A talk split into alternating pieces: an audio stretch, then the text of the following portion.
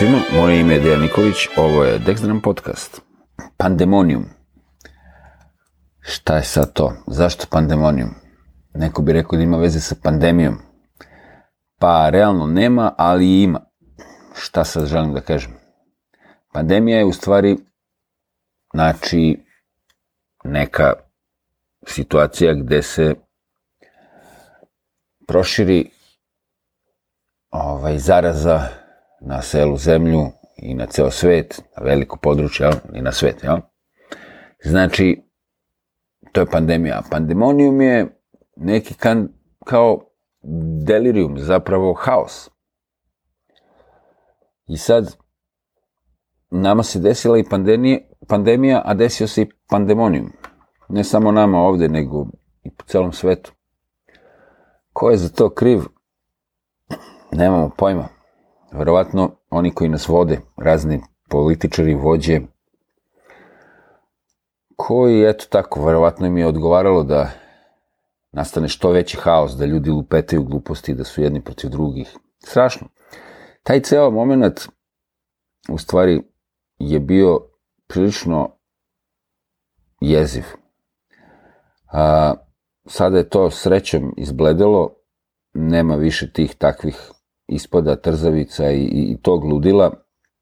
Ima nekih drugih ludila, naravno uvek narod je u, u ludilu non stop i uvek su jedni protiv drugih, levi protiv desnih, gori protiv dole, krivi protiv pravih, mislim, to se ne može izgleda izbići.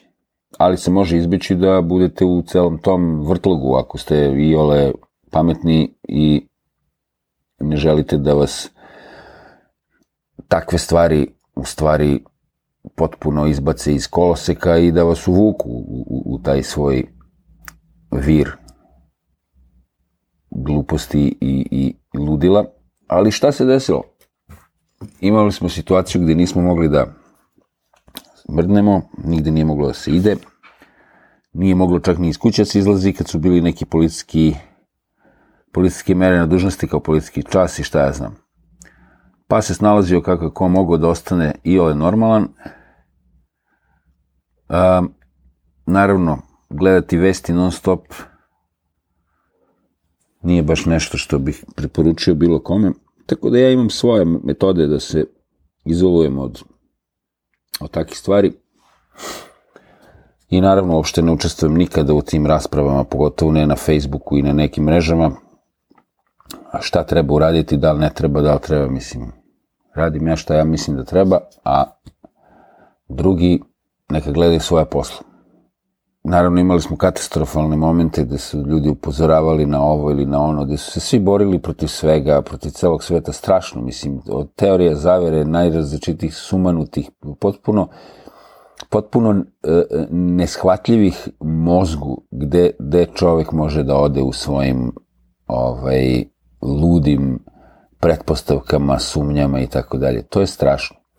Ja se slažem da treba biti sumnjičav, da treba biti, da ne treba biti baš ono naivan i verovati u sve što se nešto kaže, ali baš naprotiv ti svi što su toliko zastranili, oni su čist primjer toga da veruju u sve što im se servira sa određenih mesta, jel? No, da sad ne bi ovaj moj, ova moja epizoda postala suviše usmerena na neke druge stvari, što ja ne želim. A, malo je i taj ceo moment doprineo da, recimo, shvatim šta ne želim da radim više, koje su to stvari koje bi trebalo izbaciti iz svog života, čemu se više posvetiti i tako. Tako da sam taj trenutak iskoristio kao neki moment ovaj, samo preispitivanja, da tako kažem, što su i neki drugi ljudi činili. I nije to tako loše, pošto je u naše živote ušla cela ta varijanta sa online radom, online časovima, online školom i svime kao online. Naravno, naša zemlja nije bila za to tako spremna kao što su neke normalne zemlje na zapadu odavno već spremne. Mi smo prilično onako pešački, trapavo i nesposobno ušli u celu tu varijantu, naravno hvaleći sve to na sva zvona, to svuda je bilo ovaj, objavljeno kako mi to sve radimo na najvećem mogućem nivou, što naravno nije tačno, imam dete koji ide u školu, to je katastrofa. To, I onda se to i pokazalo koliko su ljudi nepismeni ovaj, tehnološki, mislim na roditelja i na ovaj i na ove nastavnike pogotovo. To su ljudi koji nisu znali da pošalju e-mail, a kamoli da nešto drugo rade komplikovanije. A, naravno, deca, ko deca, ajde, oni žive u tom trenutku, pa se nekako snalaze, ali ni, oni ne znaju sve, te zablude roditeljske kako, a deca su naša tehnološki ono, genijalci, oni sve to znaju, zato što roditelji ne znaju ništa, pa misle da dete je nešto što čačka pomalo, igra igrice, da je on computer wizard, mislim, to je tek smešno. Ali, anyway, uh, ja sam časove svoje preko interneta, preko Skype-a sve vremeno, a sad sam uključio i Zoom, to je sada, jel, pre dve godine već, ovaj, samo sam, eto, malo u, unapredio svoj setup, da kažem, sa nešto više kamerica i tako i nastavio da radim najnormalnije online časove. Mnogi ljudi se, koji se bave time i nekim drugim poslovima nisu uspeli da snađu tako brzo, jer jednostavno nisu razmišljali dovoljno napred.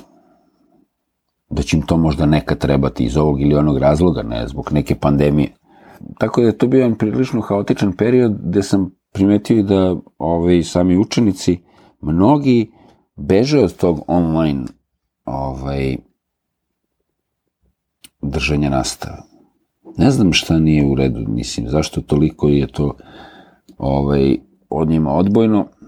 Naravno, pošto, pošto je sve bilo kako je bilo, onda sam nekako prirodno izbacio rad subotom, pošto je moralo da se vikendom sedi kod kuće, da se nigde ne ide.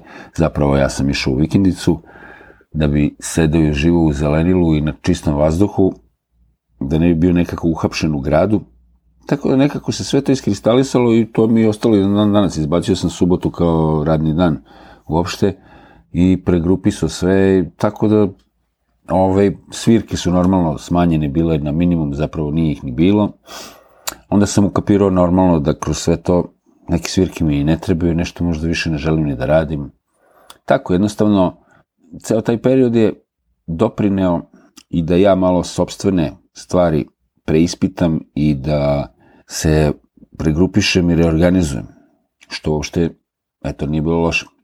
Ali koja je poenta? Poenta je da u svakoj situaciji možete da pronađete nešto dobro za sebe. Umjesto da se bavite budalaštinama, ispravljate krive drine i borite se protiv celog sveta i ne znam nija čega, guštera i vanzemaljaca i koje, ne znam koje već varijante i zavere želite da se borite, možete uvek da se okrenete sebi i svom životu, svojoj porodici, provedete više vremena sa njima, pozabavite se sobstvenim poslom, vidite šta možete najbolje da uradite u datom trenutku za sebe i za svoje bližnje, za one do kojih vam je stalo.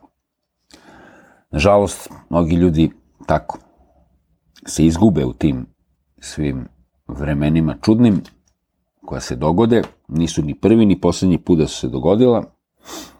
Bio je još jedan dobar moment tu, u stvari što sam uspeo da pročistim ljude koje pratim ili čije mi objave izlaze na Facebooku ili tako negde. Taj Facebook ne volim inače, ali eto, neke stvari i dalje vodim na njemu.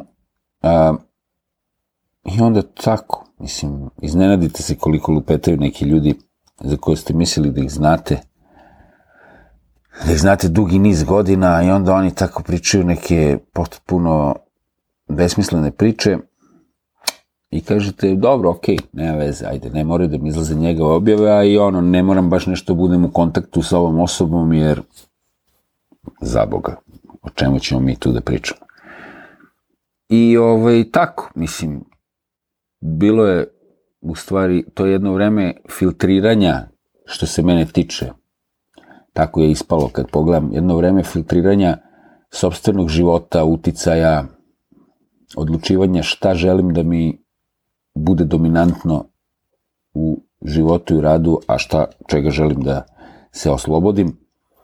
Tako da, na kraju krajeva, ako možemo kažemo da je išta dobro odatle izašlo, eto, može uvek nešto dobro da se nađe. Tako da, gledajte šta dobro može da, da ovaj, se iskopa iz svake situacije.